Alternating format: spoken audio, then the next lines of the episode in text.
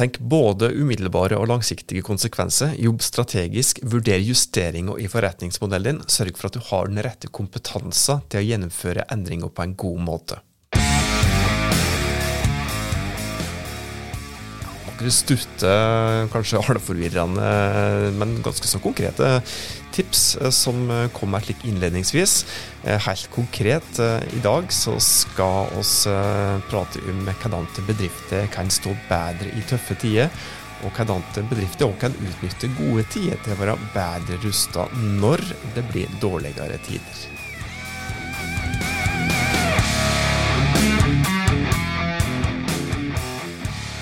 Hjertelig velkommen til Hauspodden, podkasten fra fagfolket i Haus. Oss er på plass i dag òg for å hjelpe deg og bedrifter som du jobber i med å nå de eh, store og små eh, firmamålet som dere har satt dere. Og helt konkret i dag så skal det handle om både tøffe tider og, eh, og gode tider. For det er jo garantert flere av lytterne som opplever tøffe tider. Og jeg er helt sikker òg at det er ganske mange optimister som er helt sikre på at, eh, at uh, inneværende år kanskje blir en all time high. òg.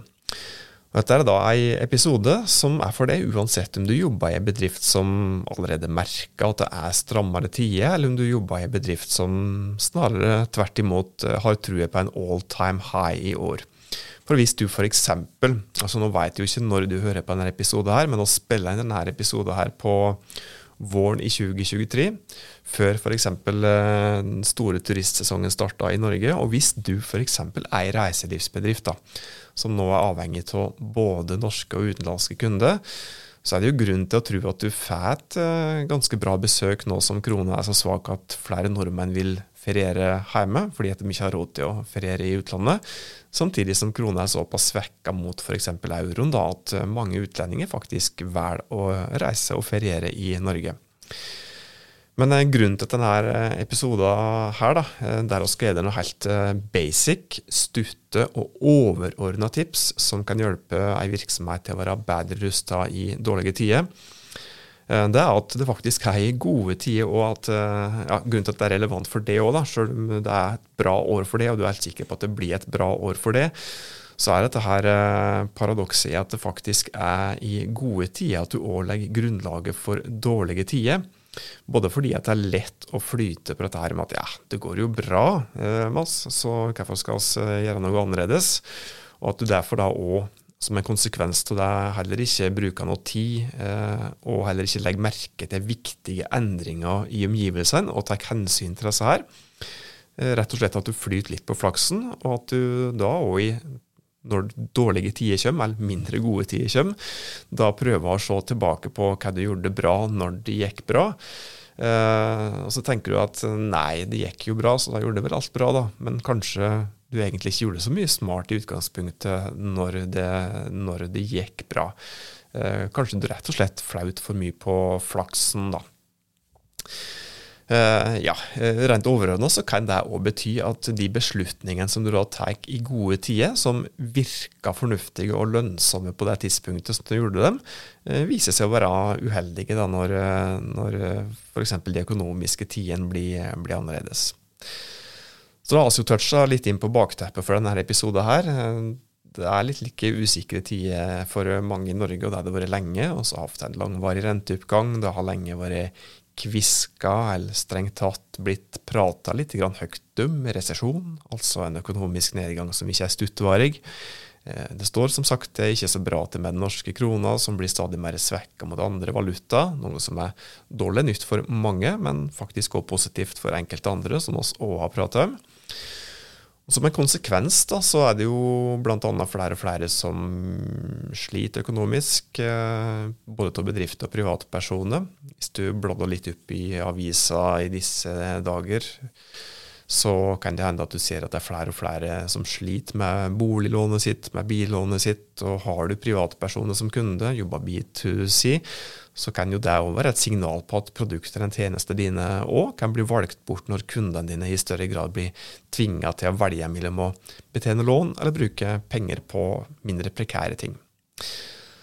Så da blir jo da spørsmålet hvordan du skal ruste deg for uh, dårligere tider, eller hvordan du skal komme bedre ut av dårligere tider når det kommer. Og det handler om uh, bl.a. at du uh, ikke skal få panikk, at du må tenke både umiddelbare og langsiktige konsekvenser av situasjonen nå, og ikke minst konsekvenser på stutt sikt og lang sikt av de strategigrepet som du tar eh, for å møte situasjonen. Og det handler selvsagt da, som en forlengelse jeg sa nå, at du skal jobbe strategisk. Eh, sørge for at det som du gjør, henger sammen med de strategiske analysene som du forhåpentligvis har gjort fra før. Og ja, strengt tatt bør oppdatere med veldig jevne mellomrom. Det kan hende at du eh, bør vurdere justeringer i forretningsmodellen din, og så må du sørge for at du har den rette kompetansen til å gjennomføre endringer på en god måte. For at endringer er en del av hverdagen i en bedrift. Og spesielt hvis du skal ta noe større strategiske grep, gjøre noen strategiske valg i f.eks. Eh, dårlige tider. Når du skal ruste deg til tøffe, tøffere tider, så er det i alle fall viktig å ha, ha god kompetanse på, på endringsprosess og kanskje også endringsledelse. Og Mye av det som jeg nevnte nå, henger jo sammen, men jeg skal i hvert fall konkretisere litt av det. Og når det gjelder dette her med å tenker både stuttsiktig og langsiktig, så henger det også sammen med det jeg skal si om to strakser, men det betyr i bunn og grunn at du ikke skal ta forhasta beslutninger. Ja, det kan dra opp omsetninger på stutt sikt, at du øker prisen med 5% eller får opp effektiviteten. Men helt avhengig av hvilke strategiske grep du uh, tar, hvilke tiltak du iverksetter, så kan det som du gjør, og eh, være et skoleeksempel på det å pisse i buksa for å holde varmen. Du må tenke stutt og langsiktig effekt hvis du vil overleve over tid. Det er det jeg prøver å si her, eh, som en forlengelse av dette med å pisse i buksa for å holde varmen. Eh, men mer om det skal jeg si litt bitte litt senere. Dette med å jobbe strategisk, da, så, så, går det jo på det at ja, f.eks. hvis situasjonen er prekær, eller begynner å bli blir litt prekær, så må du prøve så langt det er mulig å ta hensyn til både strategiske grep som gjør at bedrifter greier seg på stutt sikt, men òg strategiske grep som, som, gjør at dere greier dere på lang sikt òg. Så du må prøve å tenke både stutt og langsiktig. Eh, for det hjelper ikke å gjøre noe som gjør at eh, dere overlever i morgen, hvis det det konkrete grepet gjør at dere ikke overlever om en måned, f.eks så må du prøve å unngå strategiske valg som gjør at du kanskje greier det på stuttsikt, men som kan være direkte skadelige på lang sikt. Og en snarvei til å unngå det, uten å måtte ta så lange ja, veldig lange i hvert fall, strategiprosesser før du iverksetter det du nå enn vil gjøre, det er å tenke konsekvens. At du er konsekvent på å tenke konsekvens, og kanskje også jobbe litt med scenarioer. Og så har Jeg prata mye om akkurat dette før, men hvis du skal jobbe godt strategisk, så forutsett det at du har en strategi på plass, og igjen en reell strategi.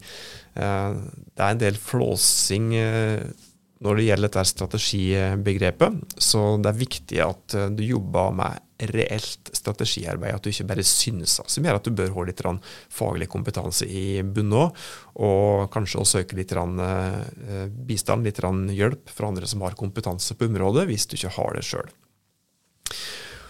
Og Jobber du reelt med strategi, så betyr det òg bl.a.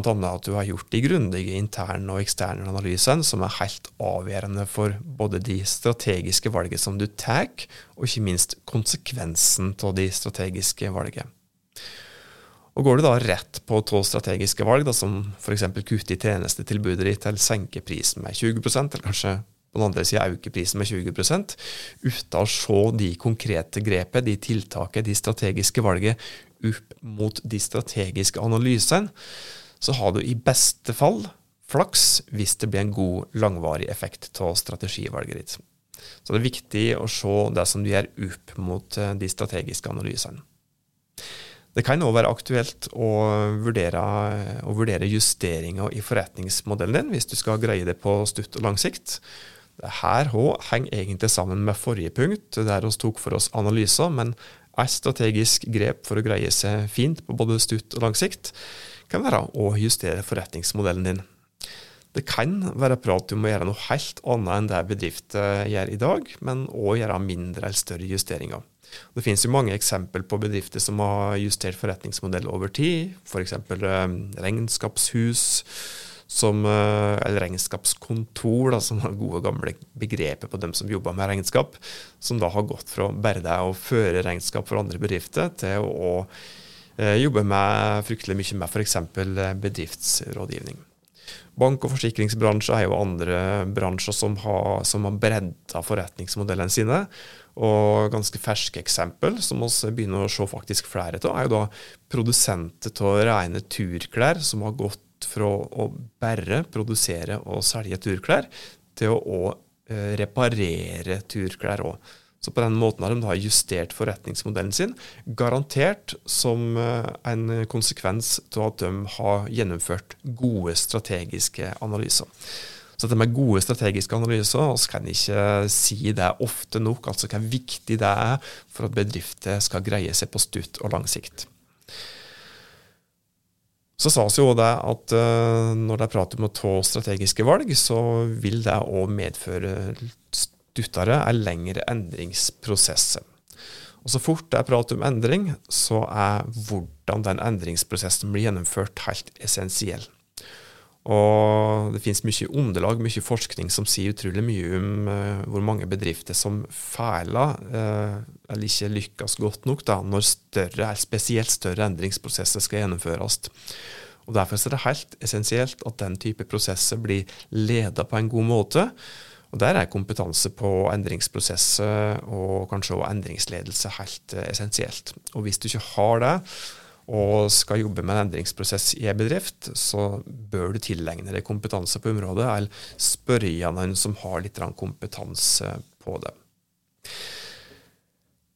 Da håper jeg at du sitter igjen med noen nyttige tips som kan hjelpe deg, uansett om du nå jobber i bedrift eh, der dere kanskje allerede merker litt eh, strammere tider, frykter at litt eh, strammere tider skal treffe dere om ja, ikke så lenge, eller kanskje litt lenger inn i, i framtida, eller uansett om det er gode tider. For det er som sagt, det er fort og slik at det er gode tider at du legge grunnlaget for, eh, for dårlige tider.